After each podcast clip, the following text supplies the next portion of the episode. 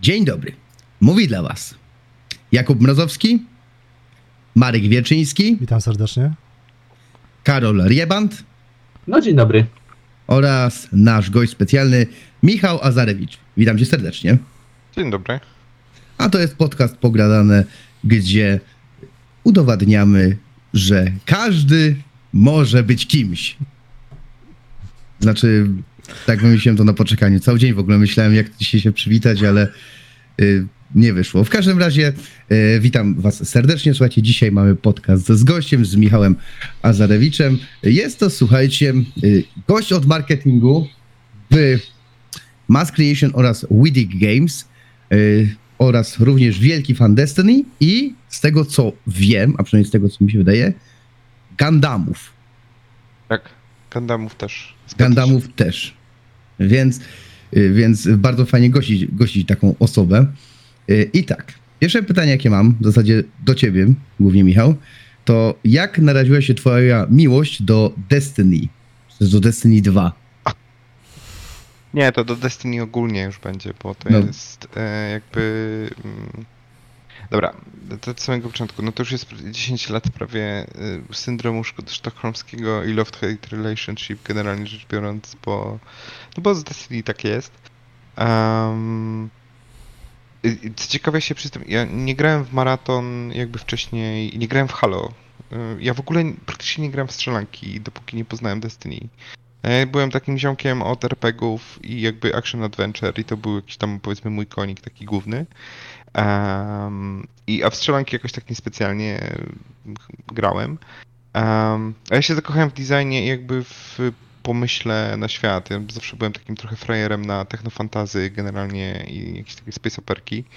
Mm, I to jest coś, co, co mi się zawsze podobało. I ja jak zobaczyłem pierwsze koncepty i jakieś screeny chyba, które były pokazywane w internecie, a później się dowiedziałem, że ta gra kosztuje 500 milionów dolarów, to stwierdziłem, że to musi być hicior.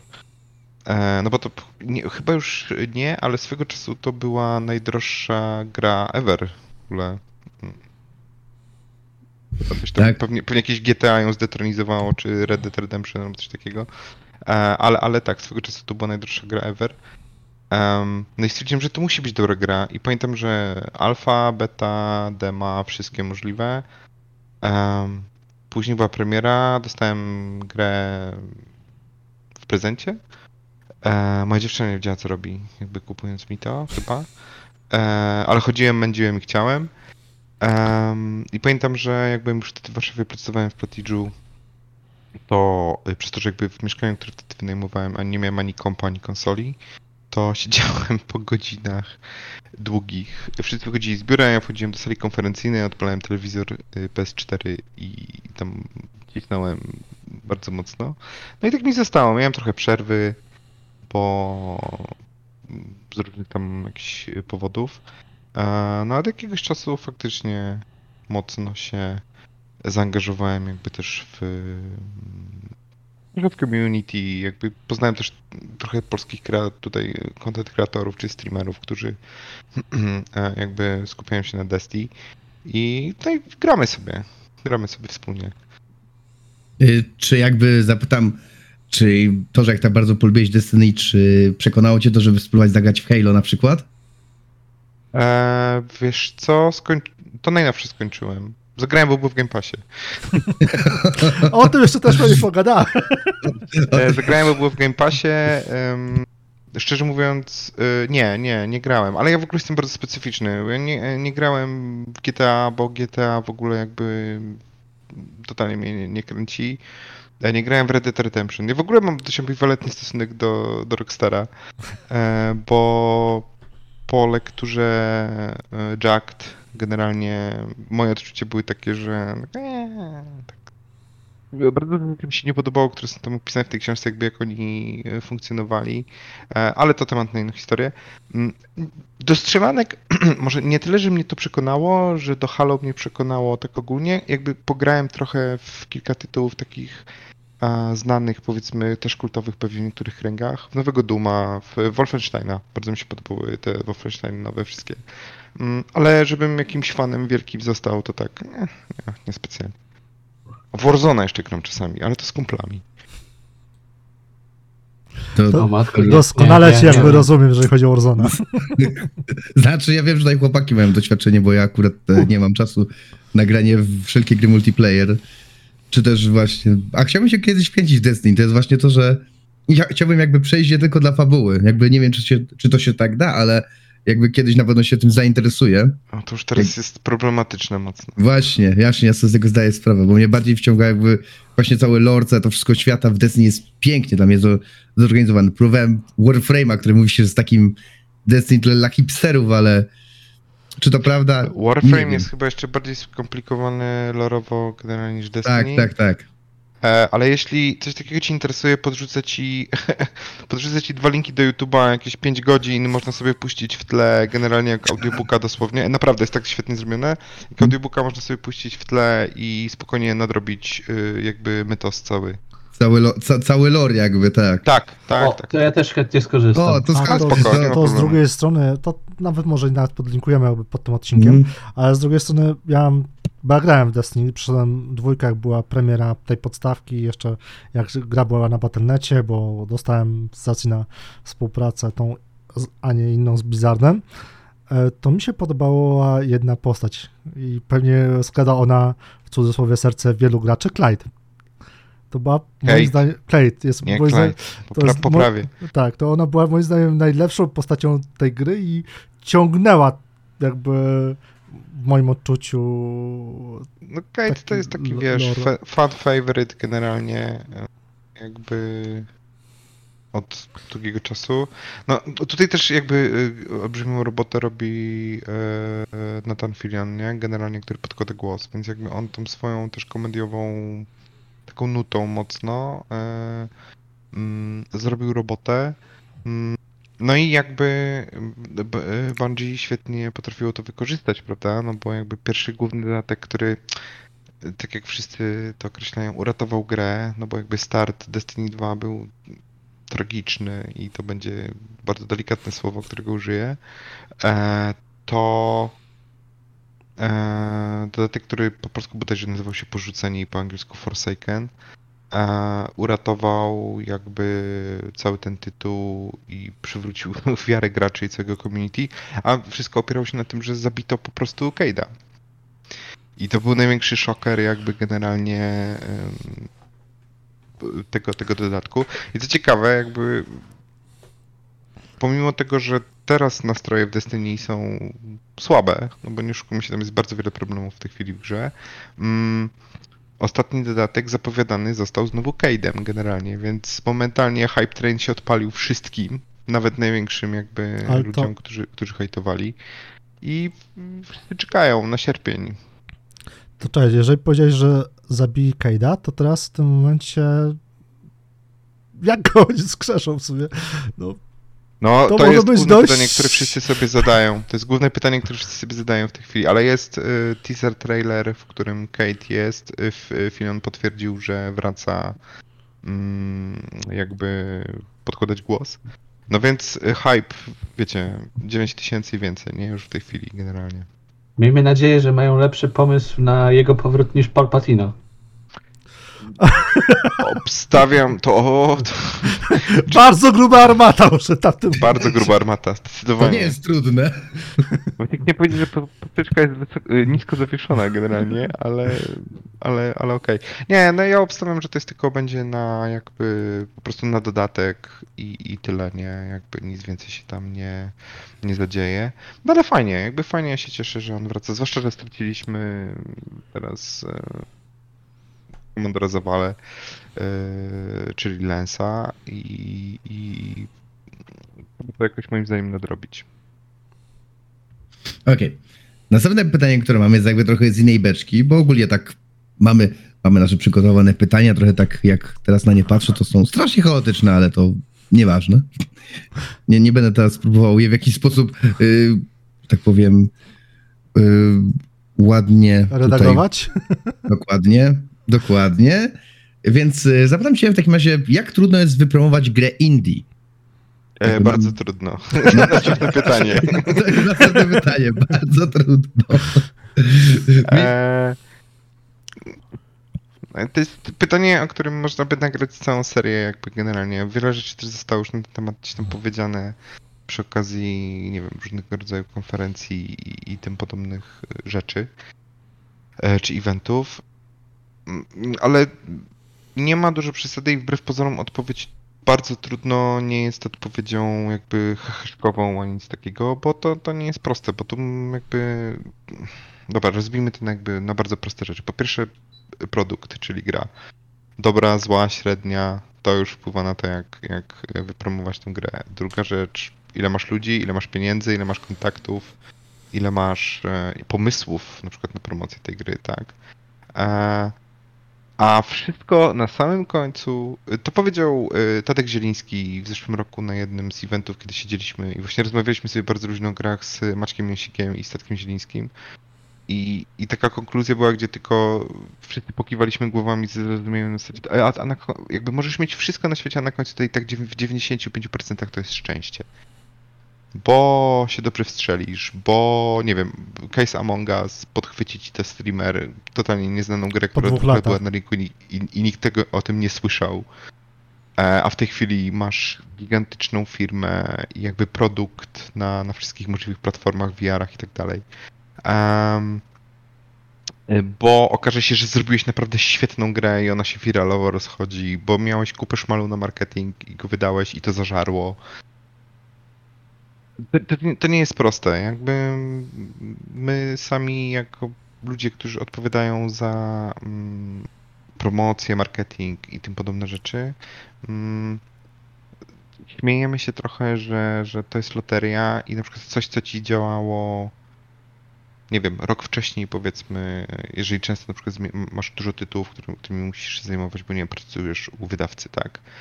E, że coś, co rok wcześniej działało, w tym roku już nie działa. No, Boże, to nie musi działać po trzech miesiącach już nawet tak naprawdę. Próbujesz skopiować, e, nie wiem, podobną grę, która odniosła wielki sukces. No bo umówmy się, jak y, kraść to od najlepszych pomysły, a jak kopiować to też od najlepszych. I to się robi.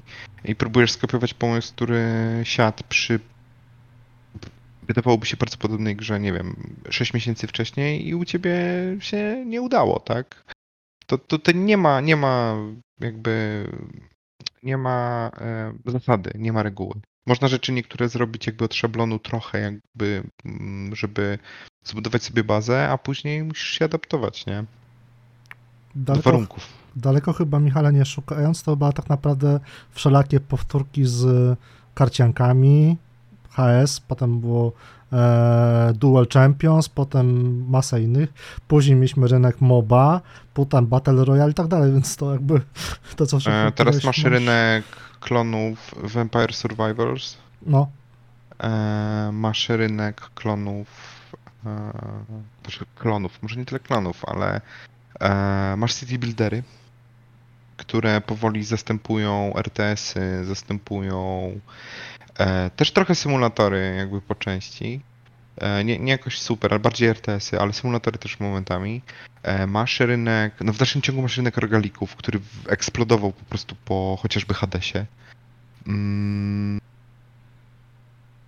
I, I co wam, wam powiedzieć? No jakby generalnie możesz próbować robić reverse engineering i próbować wykorzystywać rzeczy, które zażarły przy innej grze i one wcale, to nie jest powiedziane, że to się uda jakby po raz drugi, tak? I, i to z wielu względów. E, tutaj też nie, jakby nie, nie będziemy operować na przykład, bo to trochę nie ma sensu, ale, ale kopiowanie spoko, ale to też trzeba wszystko zmieniać, adaptować, dostosowywać, nie wiem, do swojej gry, do ilości pieniędzy, czasu, rynku, tym, co, tego, co się dzieje, jakie mamy trendy, tak? Ci, którzy, chociażby, zobaczcie, sukces może odnieść gra, która powstaje na przykład od dwóch lat i dwa lata temu nikt nie miał żadnego pojęcia, że w momencie, kiedy oni będą wydawać, e, na przykład jakieś studio będzie wydawać grę, nagle się okaże, że to jest jeden z najbardziej popularnych gatunków, tak? No, chłopaki, którzy robili Against the Storm, który jest roguelite'owym city builderem, e, wrocławska firma.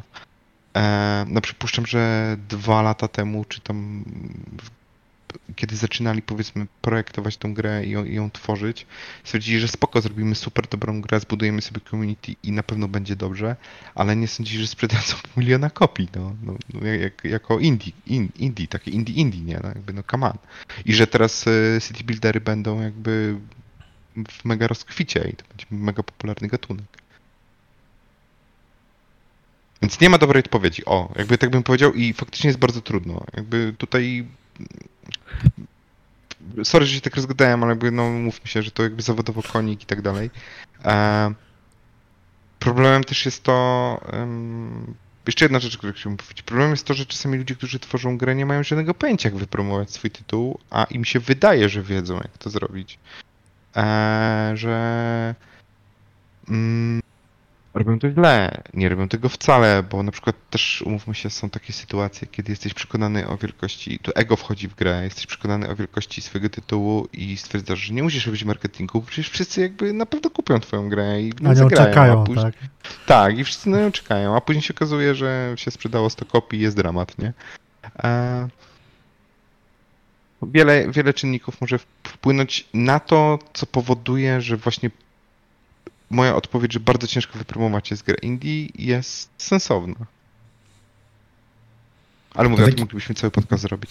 Yy, To jeszcze tak zapytam, jakby tak może dla ciebie będzie to oczywistość, dla mnie może nie aż tak bardzo, Yy, jako że mieliśmy tutaj mm, jakby też yy, speca od marketingu w postaci pana, pana Diblera, to zapytam cię, jak się to ma jakby do Game Passa, bo wiadomo, że taki Game Pass pomaga w takim, takiej promocji gry Mhm. i jest to w zasadzie, można powiedzieć, że najprostsza droga, żeby takie, stu, żeby takie, taka mała gra, powiedzmy taka gra indie się wypromowała dzięki właśnie Game Passowi, bo trafi do tej usługi.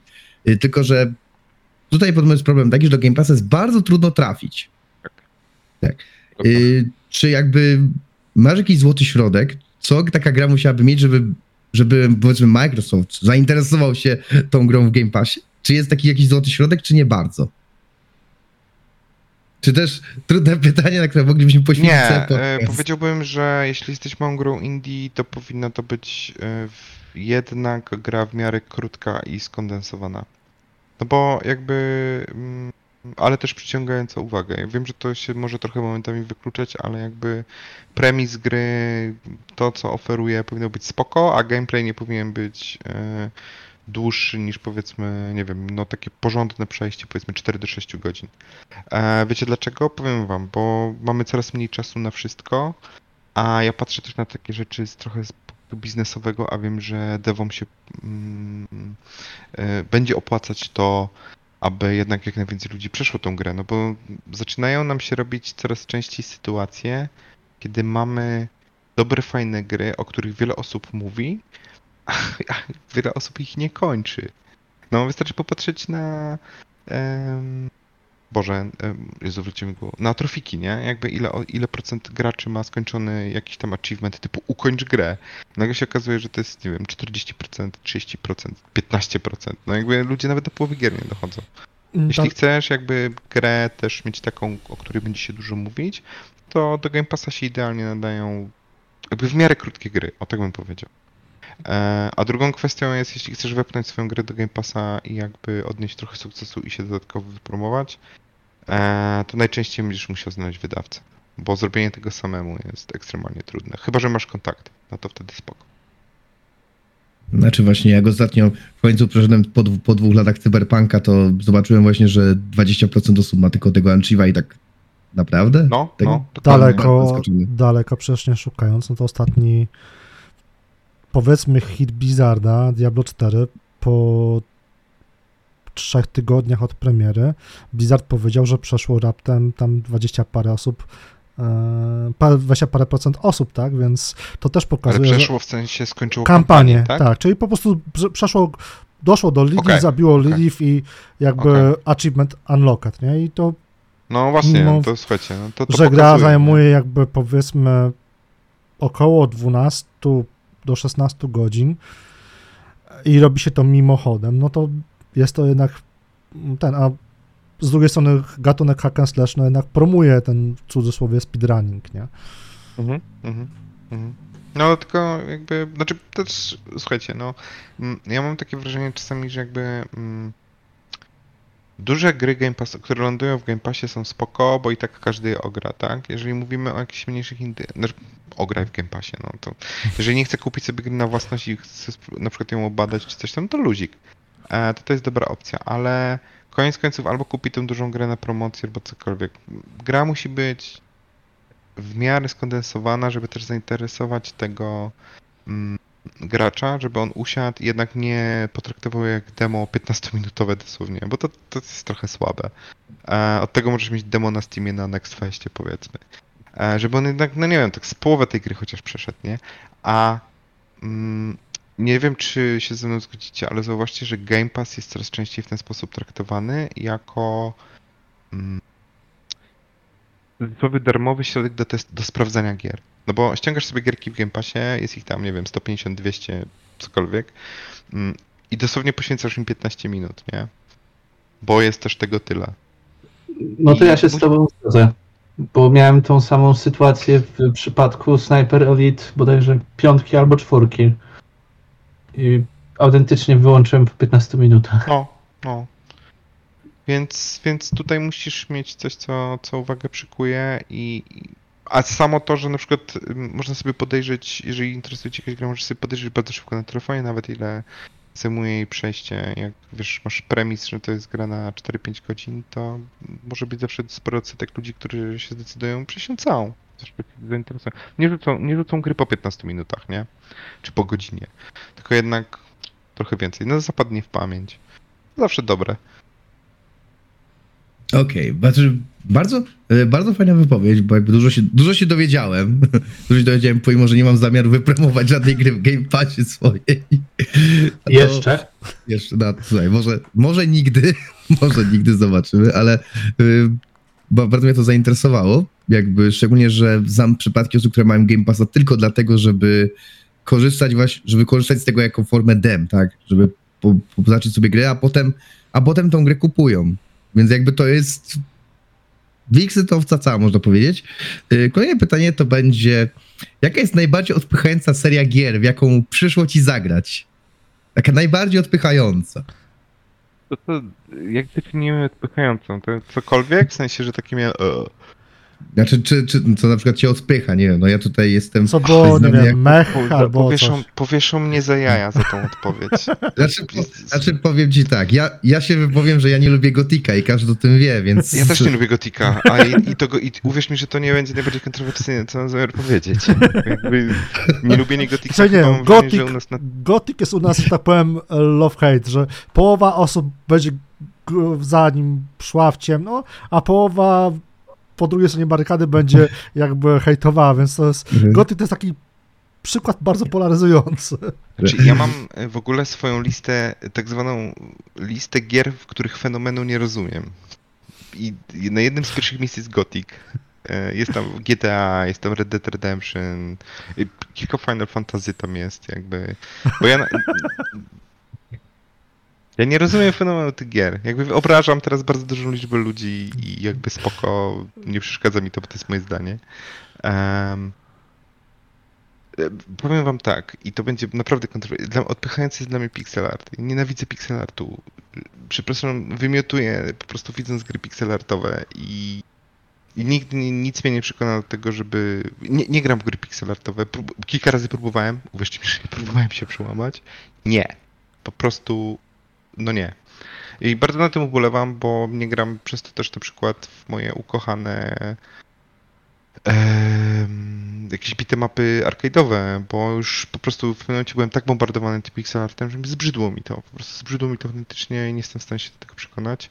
E, jedynym wyjątkiem od reguły, który popełniłem, to były ostatnie żółwie ninja, mm, których jestem jakby psychofanem generalnie, jeśli chodzi o bitemapy. E, I tak, to przeszedłem. To żółwie ninja przeszedłem, się przemogłem, ale ogólnie nie. Po prostu po prostu nie.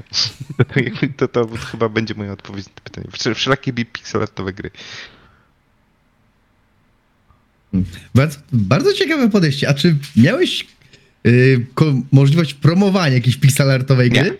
I Nie? chyba bym się nigdy tego nie podjął. Na szczęście w mojej firmie jakby nie ma jeszcze pomysłu na zrobienie pixelartową grę i jeśli takikolwiek będzie, to będę go sabotował po prostu w każdy możliwy sposób, Bombardował. Bombardował, tak. żeby się to nie zadziało. Em, no, no, więc tak, więc tak. To pójdźmy w, drugi, w drugą stronę z kolei. Twoje growe guilty pleasure, czyli coś, co wiesz, że jest złe, a i tak to lubisz. Eee, w Candy Crusha gram. O, O! Naprawdę. I tak jak wszyscy hejtują mobilki, znaczy hejtują, no jakby no umówmy się, że obiegowa Większość graczy jest mobilna. Tak, obiegowa więc- opinia jest taka, że mobilki to e, nie za bardzo. Mm, tak bardzo lubię grać w Candy Crusha. Jakby mm, też od strony trochę zawodowej, też od strony trochę mm, jakby dla siebie i sprawia mi to przyjemność. Jednego czasu do czasu takie odmurzające mm, giereczki są dla mnie naprawdę spoko. E, Wbrew pozoru to jest bardzo dobrze zrobiona i bardzo inteligentna gra. Jeśli ktoś chce się nauczyć czegoś o game designie i różnego rodzaju trikach, to jakby polecam sobie przeanalizować tą grę. Tak nie od strony tego, że to jest jakiś, e, jakiś krab taki powiedzmy mobilny, bo tam jest mnóstwo bardzo ciekawych mechanik. Em, tak, i, i Candy Crush jest moim guilty pleasure generalnie. Ciekawe, jakby tego się kompletnie nie spodziewałem. Tym bardziej, że ja nigdy nie grałem w Candy Crush, nie wiem jak, jak, jak chłopaki. Czy mieli przyjemność grać? Ja, ja z natury unikam jakby gier mobilnych. Wyjątkiem było Diablo Immortal na Bliskonie, bo tylko wówczas na telefonach można było to przetestować. Ale no generalnie na telefonie to nie używam go w ogóle do grania. Może to kwestia tego, że mam za słaby telefon albo coś, ale jakoś Nie.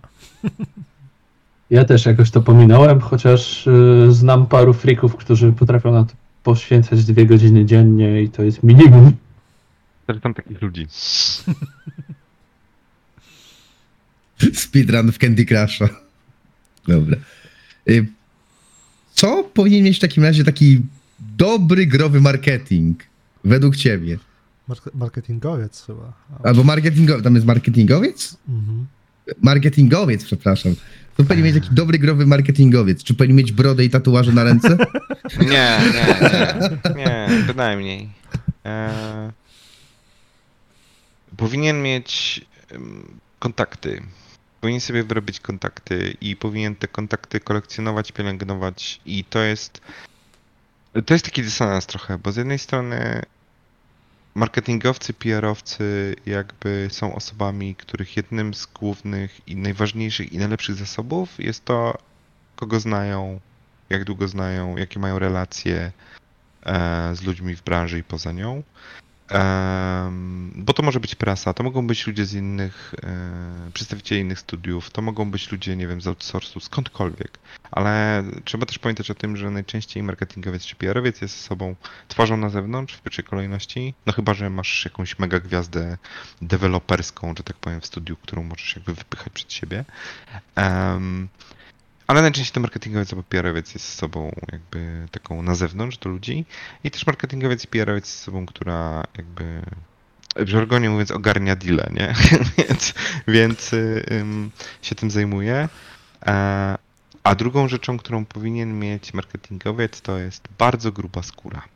Bardzo gruba skóra pod każdym możliwym pozorem. Krytyki, zarzutów wszelakich, e, kontaktów z graczami. No, marketingowiec czy albo PR-owiec bardzo często też ma coś wspólnego z community trochę.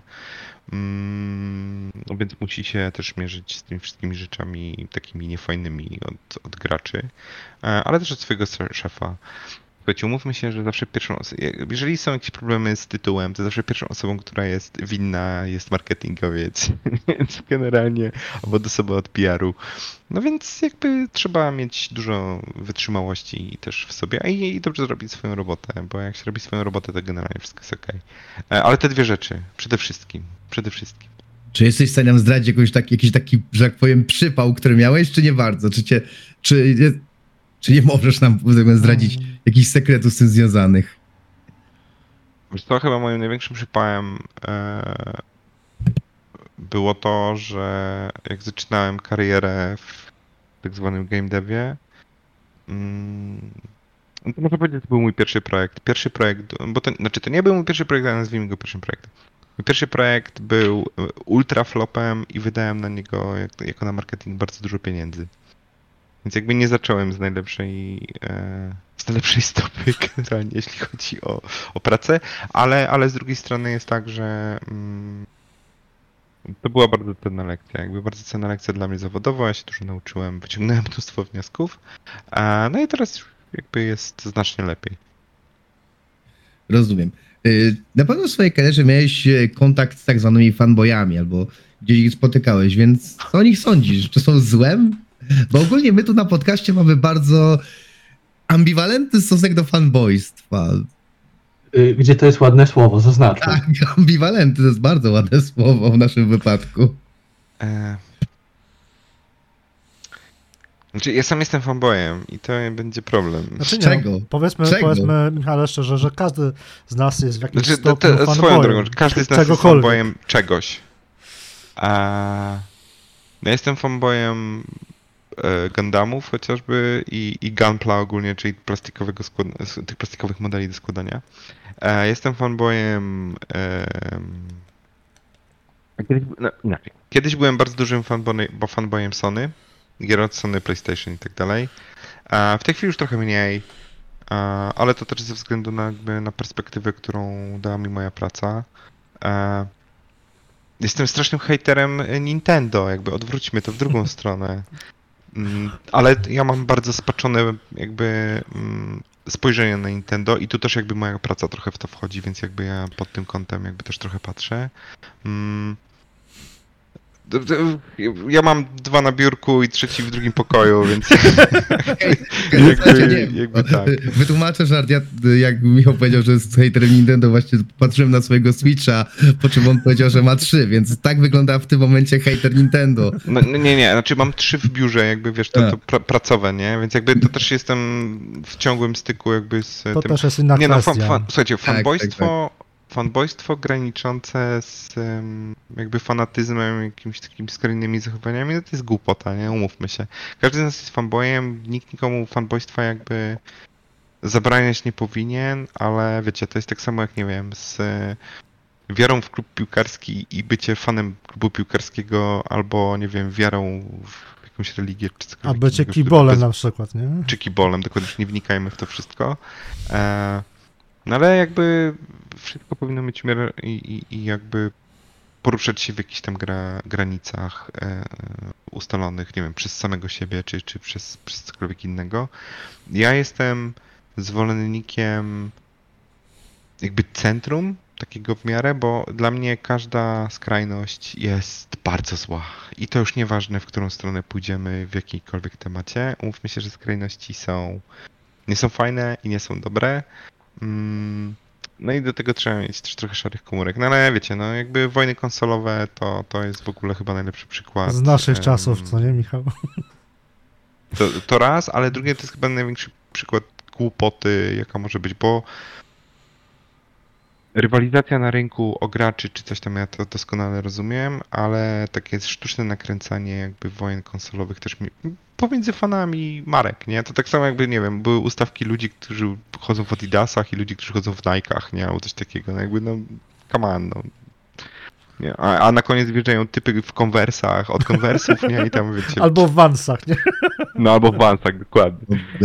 Przepraszam bardzo, jak ktoś sobie w ogóle zainteresuje się historią z e, skinheadów i metali, słuchajcie, no to wszystko wiadomo, że glany narodziły się od, wiadomo, obuwia robotniczego, tylko dlatego, że Dokładnie. mieli się jak nawalać, tak? Więc jakby Dokładnie. to jest w ogóle, to jest bardzo ciekawa historia, w ogóle jeśli ktoś by chciał być zainteresowany, to poczytał historię skinheadów i metali, jak oni się właśnie nawalali łańcuchami, pieszczochami i tak dalej, to jest bardzo fajne. Więc y, jakby fanboye wiem, że są, wiem, że istnieją. E, czy są złem? E, ci tacy najbardziej skrajni, jakby dążący do konfliktu, tak. Tak, to, to zdecydowanie, ale to w każdej materii, nie? Jest Bo ja też potrafię się z kimś, potrafię się z kimś nie zgadzać, a potrafię chociażby prowadzić w miarę kulturalną dyskusję albo wymianę zdań, em, pomimo jakby różnic. Na końcu zawsze w ostateczności, jak już jest jakby taki, mamy w miarę skrajne przypadki, możemy powiedzieć, że agree to disagree po prostu się rozejdźmy i tyle, tak? I, albo nie wiem, zmieńmy temat. A, więc, więc też będzie spoko. Bardzo cywilizowane podejście. Bardzo mi się, ba- ba- bardzo mi się podoba. Y, W każdym razie, w każdym razie przejdźmy sobie do kolejnej rzeczy. Y, Jakie rozwiązania growe są dla ciebie najbardziej przyszłościowe? Czyli powiedzmy mamy teraz chmurę, mamy teraz, prawda, y, Rock Ali, czy też właśnie z y, Team Decka, czyli wiadomo, całą, są z taką konso, kon, konsolo, konsolo komputer i, i tym podobne. Jakie dla Ciebie rozwiązania takie najbardziej przyszłościowe i co, co powinno się iść? Czy też może na przykład VR? Ale macie, pytania, na które ja muszę udzielać kontrowersyjnych odpowiedzi strasznie. Jakby. Słuchaj, o to chodziło, taki jest ten podcast. Będę mnie Wiesz, ścigać. mi, zarzuc, mi zarzucali, że zadaję generyczne pytania. Jakoś wychodziło, że to jedne z fajniejszych. To, to, to Jak- dobrze. Um, na pewno mają w tej chwili, przeżywają renesans i ja się osobiście z tego bardzo cieszę, bo um, ja na przykład też jestem wielkim fanem Vity, y, PSP i tak dalej. Więc O. jakby dla mnie handheldy są bardzo spoko i uważam, że to jest w tym jak wygląda dzisiejszy świat, to jest jakby bardzo dobre rozwiązanie. Mm, z drugiej strony, jakby oczywiście nie byłbym sobą, gdybym się do czegoś nie dowalił, więc jakby też uważam, że każdy handheld ma jeszcze swoje jakby minusy i tutaj jeszcze jest pole jakby do popisu i można sobie nad tym popracować. A... Słuchajcie, jakby wszystkie, y, znaczy chodzi mi te, o rozwiązania typu chmura. To, to są rozwiązania, które niestety ym, są bardzo spoko, Mm, do momentu, kiedy nie przyjrzysz się im trochę, trochę bardziej. One są bardzo spoko na papierze. Problem polega na tym, chmura jest super fajna i w ogóle, ale jak pojedziesz e, do Afryki i na środek pustyni, to sobie tą chmurę wiecie, co można z nią zrobić. Jakby nic z nią nie zrobisz i tak dalej. Więc wszystkie rozwiązania, jakby, które opierają się mm, o dostawcę usług, wiecznie będą takie nie do końca mm, warte zaufania. Tak. To też jest bardzo złe określenie, ale jakby nic innego w tej chwili nie przychodzi mi do głowy. E, no bo zawsze możemy mieć jakiś error, może się spalić serwer, y, szczur przegryzie kabel, e, cokolwiek, no i z tych chmury nic nie zrobisz. A tak to jesteś bardziej upupiony wtedy niż, niż cokolwiek. Em, pomimo, że jestem wielkim fanem jakby kwestii cyfrowych wszelakich, no to niektóre rzeczy jakby niespecjalnie. Mm, Jakkolwiek chmura jako feature, wsparcie i jakby ułatwienie, the quality of life tak zwane dla, dla graczy, e, tak, to myślę, że to się, to się sprawdzi. Mm, no ale to też będzie jakby mm, dostępne dla specjalnej, e, znaczy specjalnej, dla, dla, po prostu dla pewnej grupy ludzi, tak, grupy odbiorców, którzy mają internet, którzy mają, nie wiem, smart TV w domu, e, jakiś tam w miarę porządny telefon, co wbrew pozorom wcale jeszcze nie jest e, Normą. jakąś normą na świecie. Pat, patrzmy na, nawet globalnie, nie, na to. To, to, to z tym są jeszcze problemy. Em, ale jako taki feature, jak wiecie, to, to, to spoko, ale to jeszcze w dalszym, to w dalszym ciągu wymaga jeszcze rozwoju. To jest tak jak y, dyskusja o AI-u, metaversie kiedyś i, i tym podobnych rzeczach. E, wszystko jest fajne, ale mm, traktowałbym wszystkie tego typu rzeczy jako wsparcie czegoś innego albo część czegoś większego niż e, jakby feature itself i rzecz, która jest the next, ne, next best, ne, next big thing, nie? Generalnie. Tutaj mam problem taki, że wydaje mi się, że jeżeli z tego wszystkiego coś miałoby mm, y, być przyszłościowe, jeśli chodzi o gry, to poza handheldami, które będą spoko platformą dla przemieszczających się często ludzi i graczy, którzy będą mogli już faktycznie grać, you, you will be able to play everywhere dosłownie, no to jednak będzie AI, nie? Pod, pod, każdym, pod każdym względem chociażby wsparcia deweloperów. I to takiego bardzo dużego wsparcia. Nie zastąpienia, broń Panie Boże, ale jako narzędzie do wspierania też tworzenia gier, mega spoko. I bynajmniej nie mówię tutaj o tworzeniu grafik, bo to jest na ostatnim miejscu, jakie mam, ale takie wsparcie mm, przy automatyzacji procesów, to już bardziej wchodzimy w game development, przy automatyzacji procesów, przy wsparciu e, Czy też nawet przy optymalizacji nawet mm, pewnych nawet optymalizacji, dokładnie, to to będzie naprawdę dobre narzędzie. Zresztą już jest.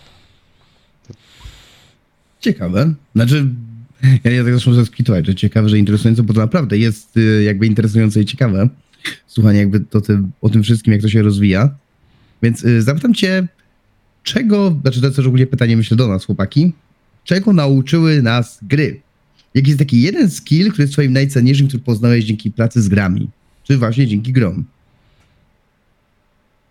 się pytania bałem najbardziej. Bo ja mam Ty- problem z odpowiedzią na to pytanie. Takie, takie ty... Eee, Ja ci. Michał, teraz chyba przeproszę, bo to chyba było moje, jeśli dobrze pamiętam. Także To chyba było Karola.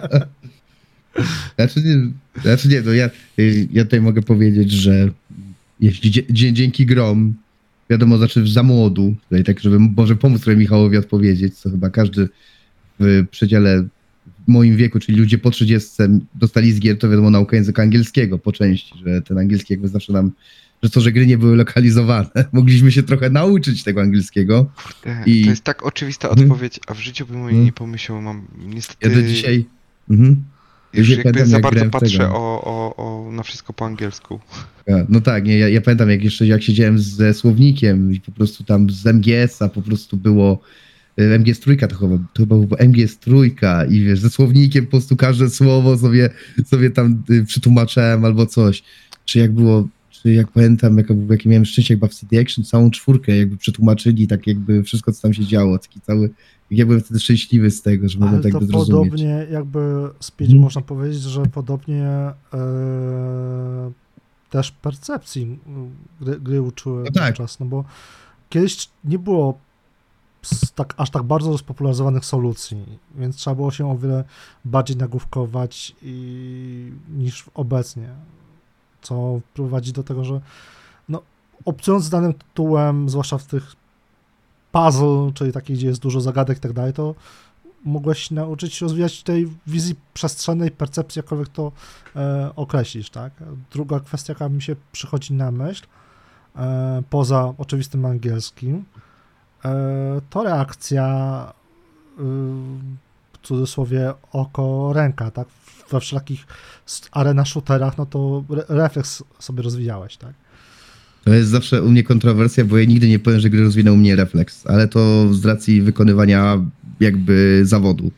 Powiem, że gra nigdy refleks, nie da mi tyle Pytań, refleksu, pytanie, pytanie, ile grałeś w arena shootery na przykład, taki z jakim ile... No trochę, efektem, trochę się nie? wpłyk- no bo no, trochę się, powiem ci tak, no jednak ćwiczenia, jednak ćwiczenia fizyczne wydaje mi się dużo bardziej, jakby mówię o żonglerce, żonglerka różnymi przedmiotami wydaje mi się tak bardziej rozwijająca zdolności ręka, oko, czy zdolności motoryczne niż granie w arena shootery, ale to jest jakby jakby inna kwestia. Okej, to musielibyśmy- ugryzę temat, to co powiedziałeś z drugiej strony. To z kolei Mhm. szybkie podejmowanie decyzji w RTS. No to gry, no gry akurat myślę, że tego mogły nauczyć. Myślę, że uważam, że szybkie podejmowanie decyzji na zasadzie, wiecie, wyboru dialogu, który jest pod presją czasu czy coś, mogło też tak być.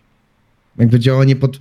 Dzia o, samo działanie pod presją, jak mieliśmy grę na czas, tak? Mieliśmy coś zrobić w określonym czasie. Też y, w, y, uczyły nas działanie pod presją, co też jest swego rodzaju fajne. Czy powiedziałbym nawet taką głupotę, teraz przypomniałem sobie, w CS-ie praca drużynowa, tak? Jakby proste, wiadomo, na bardzo prostej zasadzie, ej, wyjdźcie na, wyjdźcie tym korytarzem, wyjdźcie tym korytarzem, no ale jednak jakaś tam, tak, komunikacja. Więc Michał, trochę ci pomogliśmy. Czy jesteś Ja teraz w stanie odpowiedzieć? Rozwinąłbym to, co powiedzieliście teraz o tej komunikacji, bo u mnie to jest tak zabawnie, że mm, za dzieciaka bardzo szybko miałem e, sieć osiedlową. E, my byliśmy tym pokoleniem, które już na komunie dostawało komputery i tak dalej, i tak dalej, e, te pierwsze pecety i u nas jakby temat sieci, internetu, połączonych komputerów jakby po, pojawił się bardzo szybko. Eee, jakby też nawiązując do Blizzarda po raz kolejny pierwsze dwa tytuły Diablo 1 i pierwszy StarCraft, no więc jakby ja mam 4000 godzin w pierwsze Diablo wbite, to tak siedzieliśmy już w tym, jakby korzysta, ja się, więc bardzo szybko ta sieć powstała, kończąc tylko temat.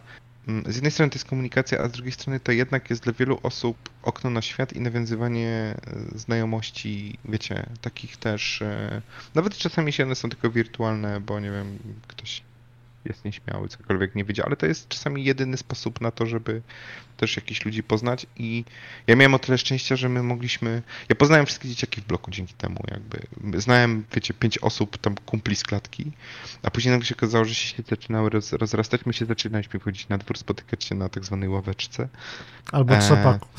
albo trzepaku. I, I i w ten sposób jakby też się, wiecie, przyjaźnie, znajomości tam zawiązywały i tak dalej. E, A drugą rzeczą, e, powiedziałbym jeszcze, ba- bardziej bym uogólnił to, o czym mówiliście, jeśli chodzi o podejmowanie jakby decyzji i tym podobnych rzeczy. Ja bym bardziej powiedział, że kreatywność, tak ogólnie, wiecie, kreatywne myślenie, o, do tego bym się skupił, bo to właśnie mamy puzzle, mamy wszystkiego rodzaju zagadki, mamy, e, nawet wiecie, szukacie, szukanie ścieżki gdzieś dalej w action czy cokolwiek, jakby gdzieś, no teraz oczywiście mamy znaczniki wszędzie, więc jakby to jest trochę inaczej, no ale kiedyś tak jakby nie było tego jeszcze, więc e, bardziej bym to trochę uogólnił uważam, że to też jest dość, dość dobra rzecz i nawet dorzuciłbym do tego też jednak trochę jakby na przekór rodzicom, że samodzielne myślenie czasami też bardzo się rozwija w czasie grania. Zostałem chyba ja z tej całej listy, bo No. nie powiedziałem, co mi No, dały gry. Tak. tak. E, to będzie troszeczkę związane z żartem, który tu już lata w tym podcaście. E, generalnie o budowaniu światów. E, po prostu przez, e, przez to, że tak jak mieliśmy sytuację a propos języka angielskiego, jakby przez gry nauczyłem się go dość szybko, bo ja jestem z tego pokolenia, gdzie WoW w sumie wchodził, więc jakby żeby grać w WoWa trzeba było siedzieć ze słownikiem. E, I przez to też jakby zacząłem po prostu przyglądać się bardziej temu, jak ludzie tworzą e, światy w opowieściach, wszędzie generalnie. I to mi chyba zostało, bo w, przez dużą część swojego życia w, w liceum tworzyłem opowiadania, które dziś zaczynają gdzieś tam powoli wypływać, więc przez gry zacząłem pisać i przez pisanie poznałem was wszystkich tutaj. Karol, Karol Rieband, nowy Tolkien. Słuchajcie, kiedy zrobią. O Jezu, nie, aż, aż tak to nie, panie, fu, to jest No. jeden. To nowy Sapkowski. O, No, Kiedyś- idziesz w Pamiętaj, pamiętaj hajsy z góry. Hajsy bierz z góry. Jak kiedyś zrobią adaptację twoich książek, to ludzie będą się czepiać, że ej, to tak nie było. Byle nie na. Znało ten Netflix. Znało ten Albo Amazon. Netflix. Albo Amazon. I nie TVP, i nie TVP, nie? Nie, nie Wiedźmin, nie? I smok. Y... No. Pisujesz ładnie. Dobra, ła, ładnie wybrnął. Y, więc zapytam y, cię, Michale, bo znaczy tutaj myślę, że każdy z nas bardzo łatwo mógłby na to pytanie odpowiedzieć. Dla ciebie będzie to trudne. Y, Co jest najbardziej cieszące w twojej pracy? A nie, to akurat jest bardzo proste pytanie. A, Eee, znaczy, wiecie, no, ja pracuję z, pracuję z produktem i dla, ja się zawsze najbardziej cieszę w momencie, kiedy, znaczy z produktem, jakim jest gra, która trafia do odbiorców. I to jest trochę tak jak, a jakby w czymkolwiek, co jest związane, nie wiem, ze, ze sztuką albo tworzeniem czegoś. Jeżeli to daje ludziom radość, oni się z powodu tej gry, nie wiem, cieszą, wykazują emocje em, w jakiś tam sposób, czują się z nią związani nawet emocjonalnie, to, to jest dla mnie jakby naj... To mnie cieszy najbardziej. To, to, są, to jest ta taka rzecz, która powoduje, że ja wiem, że zrobiłem dobrze robotę, jakby swoją. Ja wiem, że mm, ludziom się to podoba i, i, i jakby też, też e, odczuwają radość z tego powodu. E, i to jest dla mnie chyba największa satysfakcja, jakby. Znaczy, wiecie, no jakby mówimy już tak górnolotnie, no nie, no bo, no bo wiadomo, że i tak wszyscy najbardziej lubią pieniążki i przychodzi wypłata. Ale, ale jeśli chodzi, nie, ale jeśli chodzi o moją pracę, to, to szczerze mówiąc też wam powiem, że mm, nie, żebym tam jakoś strasznie dużo, ale trochę rzeczy w swoim życiu robiłem i chyba nie potrafiłbym już teraz jakby też zmienić roboty na, na cokolwiek innego. I ja wiem, że to brzmi strasznie tandetnie, ale, ale, ale nie, no jakby wsiąkłem, siedzę i mam też lo- love-hate relationship jakby z branżą w wielu, wielu wypadkach. Mm, ale nie zmieniłbym tego, bo, bo za dużo mi to daje właśnie takich cieszących się momentów, najróżniejszych. Ale najczęściej, wiecie, jak gracz. Słuchajcie, najprostszy, najprostszy przykład. Wystarczy, że nam ktoś napisze recenzję, że mu się spodobała ta gra, którą wydaliśmy, albo coś dostaniemy maila, nie wiem, wiadomość na Twitterze i tak dalej. Ostatnio mieliśmy taką sytuację, że. Jeden z graczy napisał, że, mm, no, że gra Hamster Playground, ten e, ta gra o chomikach, którą wydajemy teraz, taki symulator o chomikach, k- cutaśny strasznie, e, pozwolił mu przetrwać jakieś tam ciężkie chwile w życiu, stany depresyjne i tym podobne rzeczy. No i słuchajcie, wiecie, może, ja mogę tydzień czytać hejt, strasznie się jakby dołować tym wszystkim, później czytam jedną taką wiadomość na zasadzie dziękuję, pozamiatane, ja mogę teraz spokojnie dalej pracować. Jest gicior, nie?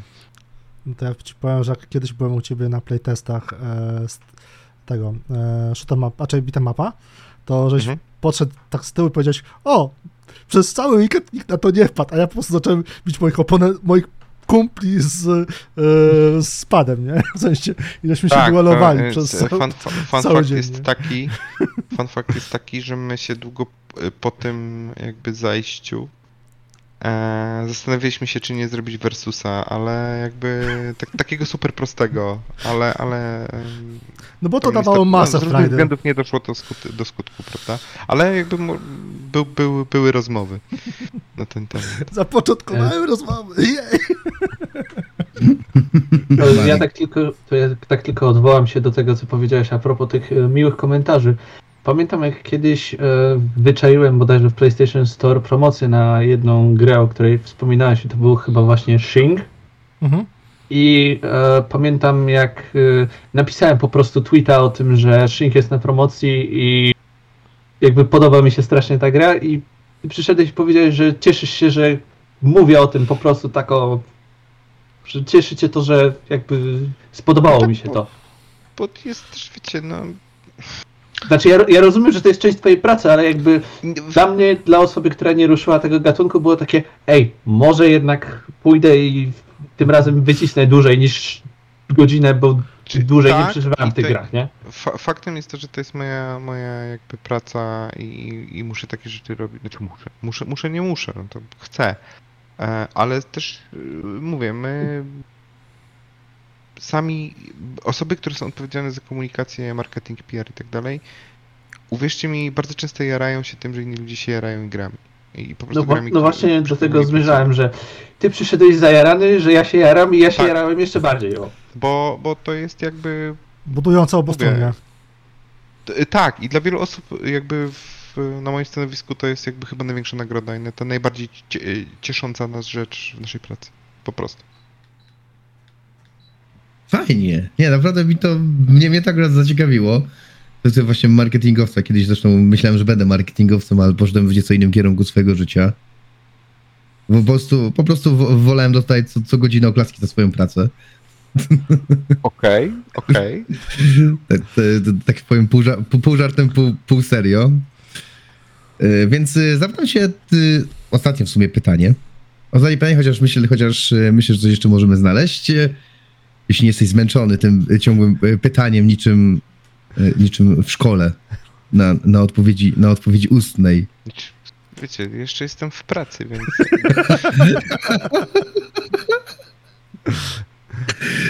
Dobrze. Gdybyś mógł zmienić w graczach jedną cechę, taką jedną cechę, co by to było? mm, Kto wymyślił to pytanie? nie, nie, nie, to jest nie, nie skupiłbym się na jednej rzeczy tylko i to jest chyba największy Mm. problem. E, Ale chyba jednak jakbym już miał coś, bo to pociągnie za sobą inne jakby też zachowania, które były. e, Wykorzeniłbym toksyczność, jakby całościowo, ca, tak całościowo, od hejtu przez y, jakby wiedzenie lepiej niż deweloper po groźby śmierci, wiecie, i te wszystkie jakieś takie bardzo nieprzyjemne rzeczy, bo to już się przestaje robić śmieszne. To naprawdę przestaje robić śmieszne, przestaje się robić em, jakby rzeczą, która nas nie dotyczy, zwłaszcza, że wszyscy jakby w jakiś tam sposób siedzimy w branży i więc poza tym jesteśmy graczami. Wiecie, nie, znikąd nie wzięło się stwierdzenie, że gracze są najgorsi, nie? Bo my potrafimy, z jednej strony jesteśmy też bardzo tacy spolaryzowani, z jednej strony potrafimy jakby się zgadać, pomóc, cokolwiek, a po, z drugiej strony potrafimy dosłownie zniszczyć jakby człowiekowi życie. I ja bardzo chętnie bym się pozbył tej, tej, tej bardzo złej strony. Zwłaszcza jeśli mówimy też o graczach ogólnie, czy chociażby o community wokół danej gry, bo to chyba będą jakby takie najbardziej e, jaskrawe przykłady, które gdzieś tam możemy, możemy sobie wyciągać. I, i też nie, nie chciałem o tym specjalnie za dużo mówić, bo no bo to jest bez sensu, jakby nie gadajmy o złych rzeczach, wiecie, rzeczy wolałbym porozmawiać o czymś wesołym. Um, ale, ale chyba to, ale chyba to, um, bo myślę, że to by nam wszystkim pomogło, trochę pomogło. Znaczy, nie, nie żeby tam dobra drama była zła, nie, jakby wiecie, słuchajcie, no czas do czasu dobra drama to jest spoko rzecz, przynajmniej mam o czym porozmawiać, ale, ale no może nie do takich właśnie rzeczy typu, że ktoś komuś jakby życzy śmierci, czy, czy coś w tym stylu, nie. To skoro już Hmm. wspomniałeś jakby dramę, mm, Ja się uśmiecham teraz. Nie no, sami, ja, wszyscy wiedzą, że ja też lubię jakby so- sobie poczytać dramy, czasem nawet może i wywołać, zwłaszcza, że jestem uważany za e, fanboya Blizzarda. Kopią weszło mocno.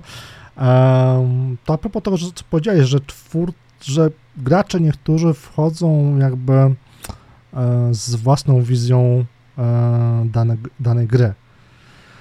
E, w, w kontekście przykładowo chociażby ostatniego Diablo 4, mm, gdzie gracze często uważają, że itemizacja jest zła, że nie ma endgame'u, etc. i tak dalej, to czasem powiedzmy taka dramka to może być ładnym feedbackiem dla twórców, bo z tego z takiej dramy, jaka była wokół Diablo 4, również wyszedł ładny feedback, z którego Blizzard skorzystał, więc jak na to się zaopatrujesz?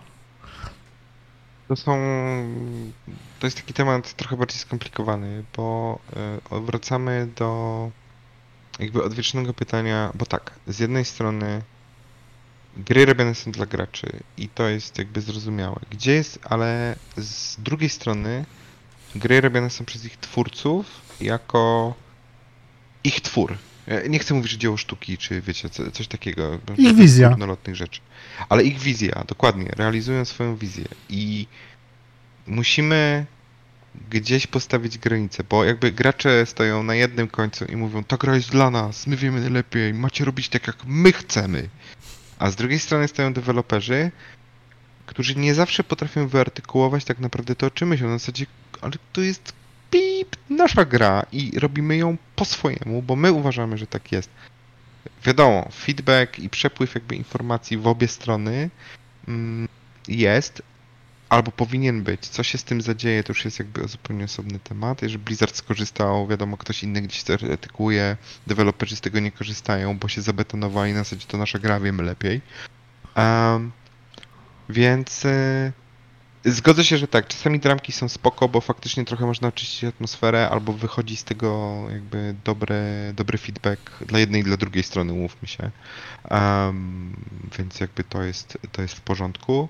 Mm, no ale mówię, jakby koniec końców nie wiemy gdzie. Bardzo często ta granica jest mega płynna między robimy dla, grę dla graczy, e, a to jest nasza wizja, albo nasza gra, albo nasz produkt, albo cokolwiek. I też jakby chcielibyśmy zrobić po swojemu, no jest na cholera, no, no wiecie, no jak nie wiem, y, stolarz robi, robi szafkę, to um, taką bardziej powiedzmy artystyczną, no to też chciałbym ją, na, może ją robić dla klienta, ale chciałbym też po swojemu trochę zrobić. No jak robisz sobie tatuaż, to albo jakby coraz mniej ludzi robisz tatuaż, czy coraz mniej, prawie nikt już nie robi tatuaży z szablonu, tak? Idziesz do artysty. Mówisz mu mniej więcej, co byś na przykład chciał mieć, ale koniec końców to on tworzy, no dokładnie. Tu chłopaki mi tatuaże pokazują dokładnie tak, ale koniec końców to artysta tworzy wzór, tak? Możesz się nie zgodzić, no, jeżeli ci się nie podoba, no to nie kupuj gry, no i koniec, kropka. Albo nie rób sobie tatuażu, no to też nie zmyjesz później wieczorem, nie? Albo ewentualnie jakiś po prostu nadajesz feedback, że projekt Tak, spoko, albo dajesz, ale feedback, popracujmy nad tym jeszcze. Dokładnie. Może, nie wiem, powiedzmy e, runa Ber w innym miejscu, albo inaczej skomponowana, tak, na przykład. Tak, to, to już jakby pole do popisu, nie? Więc tutaj em, jeszcze raz powtórzę, tak, zgodzę się, że dramki od czasu do czasu są spoko i to, to ale wiadomo też, wiadomo, no, jakichś tam granicach przyzwoitości, yy, to może No tak, po, powiedzieliśmy na początku, że jakby bez ekstrapolowania Tak, jakby agresji w kierunku No to bo to miało miejsce przy chociażby ogłoszeniu, że jedna gra z jednej platformy weszła na PC-ta, gdzie wówczas się jedna grupa osób e, wrzuciła na deweloperów tej gry, że powinni umrzeć i tak dalej, no to było dość chamskie, przykre i w ogóle, nie? Więc jakby wiadomo, że tego typu zachowanie jakby nikomu, niczemu do, do, do, dobrego nie, nie przysłuży, nie, nie, nie jest dobre. Tak. Ja mam w sumie takie jedno pytanie, a później, i później Karol i skończymy to, to pytanie. Wystawimy ocenę, powiemy, czy zdało się do następnej klasy. W każdym razie ja mam takie y, pytanie, czy y, dzięki swoim kontaktom, jak to powiedziałeś, kogo takiego najbardziej może znanego lub docenionego w branży spotkałeś? Czy miałeś taką osobę? Czy to z polskiego Polska, czy oczywiście międzynarodowego? Nie, nie musi odpowiadać dokładnie, możesz po prostu rzucić Nie, wiesz co, nie, nie, nie, nie przychodzi mi, Nie? ale ja, ja Mhm. pracuję... Wiesz co, Mhm. trzeba rozróżnić, em, po pierwsze, ja bardzo często wykorzystuję swoje kontakty do pracy, więc jeżeli jeden na przykład gdzieś też, e, nie wiem, na eventy, to jeżdżę do pracy. E, Tajemnicą Poliszynela jest to, że jak jeździsz na Gamescomy, Paxy i tak dalej, to nie masz na nic czasu, na, nie masz czasu na zwiedzanie, nie masz czasu na sprawdzanie gier, nie masz czasu na robienie, ma, masz 10 minut rano na skupienie sobie koszulki i jeszcze się idziesz na te targi i ty się modlisz, żeby kolejki nie było. Bo wszyscy wtedy wpadają na ten pomysł, który się wystawiają. I tak dalej, i tak dalej. My tam jedziemy do pracy jakby. Jeżeli a, nie przyjdzie przypadkowo, ktoś nie przejdzie powiedzmy koło stoiska i z tym kimś nie pogadasz, e, no to zależy jak dużo jeździ ekipa. W indie studiach najczęściej te ekipy są małe, więc my musimy robić 15 rzeczy e, na raz. Więc jakby też nie ma specjalnie czasu na konferencjach. Ja na konferencje jeżdżę się uczyć, więc jakby nie, nie mogę powiedzieć, żebym spotkał kogoś takiego znanego. E, jakby, jakby specjalnie. Nie jest to kwestia też taka, że jakby nie mam, znaczy kontaktów też nie mam, no bo jestem, pracuję w za małej firmie, nie, no, nie oszukujmy się. Wiesz, no, Keanu Reevesa raczej nie spotkałem, nigdy raczej nie spotkał, nie? E, chyba, może. nie wiem, jeszcze nie wiadomo. E, ale, ale no jakby, dobra, inaczej. Mm, O Chryste. E, miałem okazję pracować z jedną z aktorek głosowych, które podkładały głos, y, która podkładała głos do Boże, chyba ostatniego remake'u Resident Evil, albo któregoś z poprzednich. I jak ją zatrudnialiśmy do naszej poprzedniej gry, ja w ogóle, znaczy spodobał mi się próbka jej głosu i dopiero dosłownie przed premierą się sprawdziłem ją jakby w jakich e, Portfolio. grach podkładała głos i miałem takie o chuj, przepraszam, to się wypipka. e, e, I miałem takie dosłownie na zasadzie, okej, jakby spoko, nie? No to, to wiecie, no trafiają się tacy ludzie czasami przez przypadek, bo też umówmy się, że w branży jest bardzo dużo mm, ludzi z mega wielkim dorobkiem, które, którzy są dość anonimowi i już można ich uznać za e, jakby legendy znanych, sławnych, nazwijmy to. No to daleko jakkolwiek, przecież nie szukając, te gry są coraz większą listą kredytów, więc tam tych Tak, nazwisk się przewija setki Tak. i każdy z tych osób, które współtworzyły dany projekt, produkt, no jest już e, powiedzmy tą legendą, tak? Powiem, że każdy, który tworzył e, powiedzmy takie Red Dead Redemption dla mnie już będzie legendą, bo stworzyli Tak. ogólnie Pewnie. rzecz mówiąc hitową grę. E, jakbyś miałbym odpowiedzieć jeszcze kontrowersyjnie, to znam Tomka Bagińskiego. A propos Wiedźmina. No, teraz to faktycznie jest kontrowersyjne. Ale w czasach katedry Znaczy, No. szczególnie patrząc jeszcze na ostatnie Saint Seiya, to, to jest Em, naprawdę kontrowersyjna opinia. tak, tak, tak. no. Niestety, niestety. Niestety, niestety. Niestety, chociaż to jest. Chociaż może kto, kto, ktoś byłby w stanie mi powiedzieć, że to jest. Znaczy, to nie jest taki zły film, jak się wszystkim wydaje. O. Jakby. Czy jeśli się jesteśmy przy tym, bo też miałem, oglądałem, to jest takie mocne 5,5 na 10, dobry popcorniaczek do obiadu. E, nie wiem, w niedzielę rano po śniadanku albo do obiadku właśnie w niedzielę, żeby sobie obejrzeć i do zapomnienia. No niestety, jakby nic więcej z Mm. tego nie wyciśniemy. Um, Nie, nie, powiem, że to jest jakiś super wybitnie zły film, ani nic takiego, ale jakby to no, w pamięć nie zapada. No. Yy, Karol, nie ginie, więc to w sumie można zapisać na plus. Karol, ty miałeś jeszcze jedno pytanie. Takie już Taki- ostatnie. Tak, i ono jest ostatnie, w sumie nawet fajnie spina ten odcinek. Na jaką grę, która ma wyjść na przestrzeni powiedzmy nadchodzącego półrocza najbardziej czekasz? Jakbyś się tak miał zastanowić nad jednym tytułem. Y, Nad Starfielda. O, Z bardzo O, wielu oho. względów. E, Czekam na Starfielda z bardzo wielu względów. E, Jakby z jednej strony e, nigdy nie byłem fanem Skyrima. Przyszedłem Skyrima, ale nie byłem fanem Skyrima, więc jakby ja też nie jestem targetem typu Skyrim w kosmosie, totalnie do mnie jakby nie przemawia. Ale w kosmosie i gra w kosmosie, więc jakby to przemawia do mnie znacznie bardziej. Pomimo bycia fanem też fantazy. Mm, Czekam na Starfielda, czy Starfield dowiezie. I bardzo mnie to interesuje, bo wymagania i jakby oczekiwania są. No może, może to nie jest skala cyberpunka, e, ale są bardzo wysokie i jakby patrząc na te wszystkie informacje, które się do tej pory pojawiały, to. No to będzie ciekawie we wrześniu. No ci powiem, że tak patrząc bo powiedziałeś, że to nie jest jakby e, skala cyberpunka, to patrząc przez te flopy, jakie obecnie ma obecna generacja, zwłaszcza po stronie zielonych, to to może być skala jakby e, zainteresowania nie pod kątem samej gry, a właśnie tak jak powiedziałeś, e, tego, czy Microsoft Dowiezienia. dowiezie. Tak, tak. Ja właśnie bardzo patrzę pod tym kątem. Jakby inaczej. Przypuszczam, że będę się bardzo dobrze bawił w tej grze, jak ona by nie była, bo ja mam. Ja mam bardzo zaniżoną skalę, jeśli chodzi o em, em, ocenianie gier.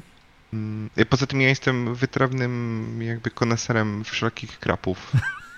E, Czy to są filmowe, czy muzy- no, muzyczne może niekoniecznie, ale czy są filmowymi krapami, czy jakby gierkowymi i, i jestem tak, uważam się za wytrawnego konesera. Em, I jakby przypuszczam, że będę się dobrze bawił w tej grze i, i będę, będę w nią grał. Ale mówię, jakby też tutaj pod kątem trochę bardziej zawodowym jestem bardzo ciekawy, jak, jak e, Zieloni sobie wybrną z, z, jakby z tego tytułu i jak to się później potoczy i co tam się zadzieje, nie? Zwłaszcza, że już teraz jest jedna przynajmniej kontrowersja w postaci klatkarzu, co jest negowane przez wielu. Powiem tak, poczekajmy, zobaczymy. Jakby ja się już nauczyłem, że nie każdy ma w domu telewizor 8K yy, i jakby no powiem tak, praca z deweloperami potrafi e, bardzo mocno zbudować ci perspektywę gracza em, jak nie jest. Po prostu. dokładnie. Y, Do, jakby, zna, jakby sam, sam, znam wiele, sam znam wiele przypadków, czy jakby ostatnio się śmialiśmy z chłopakami z mojej karty graficznej, więc, y, więc tutaj możemy się y, z tego śmiać. Dla niewtajemniczonej powiem, że jest to 1060 dalej, więc bardzo dobry karton, no, ale już ma swoje lata świetności za sobą, ale dalej wszystko odpala, no. Ale jakby to jest też kwestia tego, że jak mówię, gram, gram na konsolach, jak, każdy, jak też każdy z naszych widzów wie. Yy, więc jeśli nie, nikt nie ma więcej pytań do Michała, albo Michał nie ma pytań do nas, Nie, nie. Nie, Ja, ja, nie, dzisiaj, nie. ja dzisiaj się postawiłem w roli odpowiadającego na pytania, więc e, dobrze, tego do, się trzymajmy. damy, ci, damy, ci piąt, damy ci piątkę z plusem za odpowiedzi. Przechodzisz do następnej klasy. Tam już będzie trochę trudniej. Spoko, Nie. spotkamy się za rok, albo Nie. coś takiego będziemy Albo na rozmawiać. Pixelu. O pro- Nie, Albo na mnie to, Pixelu. albo szczególnie u mnie to. Nie, u mnie to zawsze było masz trójkę na zachętę. Zawsze jak A, też mi się zdarzało, bo ja zawsze byłem tym e, zdolnym, ale, zdolnym, ale leniwym. Tak, tak, tak. To wszyscy tutaj są, jesteśmy zdolni, ale wszyscy jesteśmy leniwi. zdolni, ale leniwi, dokładnie. E, więc, więc tak. E, jak to ewentualnie może się zobaczymy, to na PGA jeszcze. Nie wiem, czy się wybieracie. Taki plan jest, ale czy się wybierzemy, zobaczymy. PGA Ok. jest w październiku, dobrze Tak. pamiętam? Początek października. To ja na pewno nie. Plan jest, plan jest, zobaczymy jak to będzie. Razie dziękuję Ci Michał za to, że poświęciłeś nam y, swój czas w pracy. Nic nie mówi. przepraszam, ja zawsze muszę dowalić taką szpilę, ja mam taki charakter po prostu trochę, trochę, wre, trochę wredny, że muszę po prostu dowali, dowalić taką, taką szpilkę, że dziękuję, że poświęciłeś nam swój czas. Y, Dziękujemy za rozmowę, to było bardzo Teraz mówię bez, żadnego sarkazmu, bardzo budujący i bardzo fajnie się z tobą rozmawiało, bardzo dużo się dowiedziałem. Mam nadzieję, że ty się też dobrze z nami bawiłeś. A, I tak, taki- ja się zawsze dobrze bawię. W takim, e, Sta- w takim, Staram się. w takim gronie. Więc, y, dzie- więc dziękujemy Ci bardzo. Naszym gościem był Michał Ozdarewicz, a mówił dla Was Jakub Mrozowski, Marek Wieczyński Trzymajcie się, cześć. oraz Karol Rieband. Do następnego. Dzięki. Trzymajcie Dzięki. się. Hej. Hej, hej.